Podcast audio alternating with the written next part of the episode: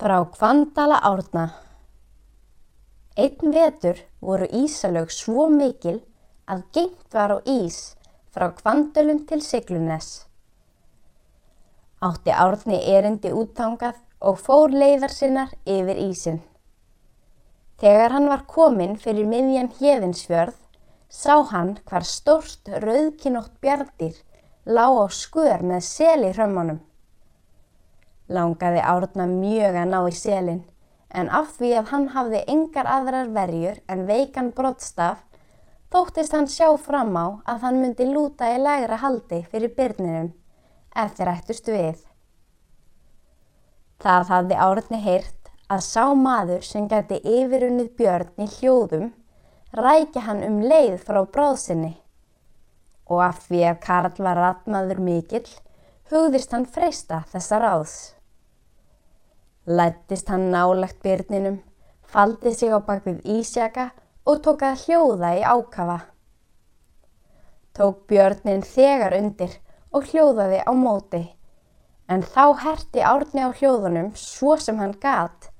Þar til er björnin fældist, yfirgaf selin og hljóp út eftir ísnum. Árni var þá ekki setn á sér, tók selin, bar hann í land og gróf hann í fönn hjá Reyðará, sem var eigðikot undan Siglunesdal. Hjælt hann svo ferð sinni áfram út á Siglunes og laug þar erundum sínum. Á heimliðinni tók hann selina bak sér og færði hann gunnu sinni. Yðraðist árni þess eftir á að hafa rænt björnin selnum því hann ótaðist að bánsi heiði á hendir og myndi koma í heimsókn síðar. Þess var heldur eigi langt að býða því að nokkru síðar sá Arni fjórtán dýr koma í hóp utan af hafi og stefna á bæin. Þóttist hann þekkja kunningja sinn, rauðkinnan, í fararblóti.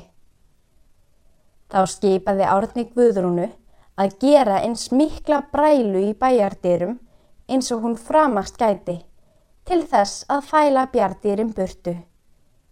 Gerði hún það og bar á eldin allt lauslegt sem fyrir hendi var, en það kom fyrir ekki. Dýrin býðu þess á hlaðinu að eldurinn kulnaði út.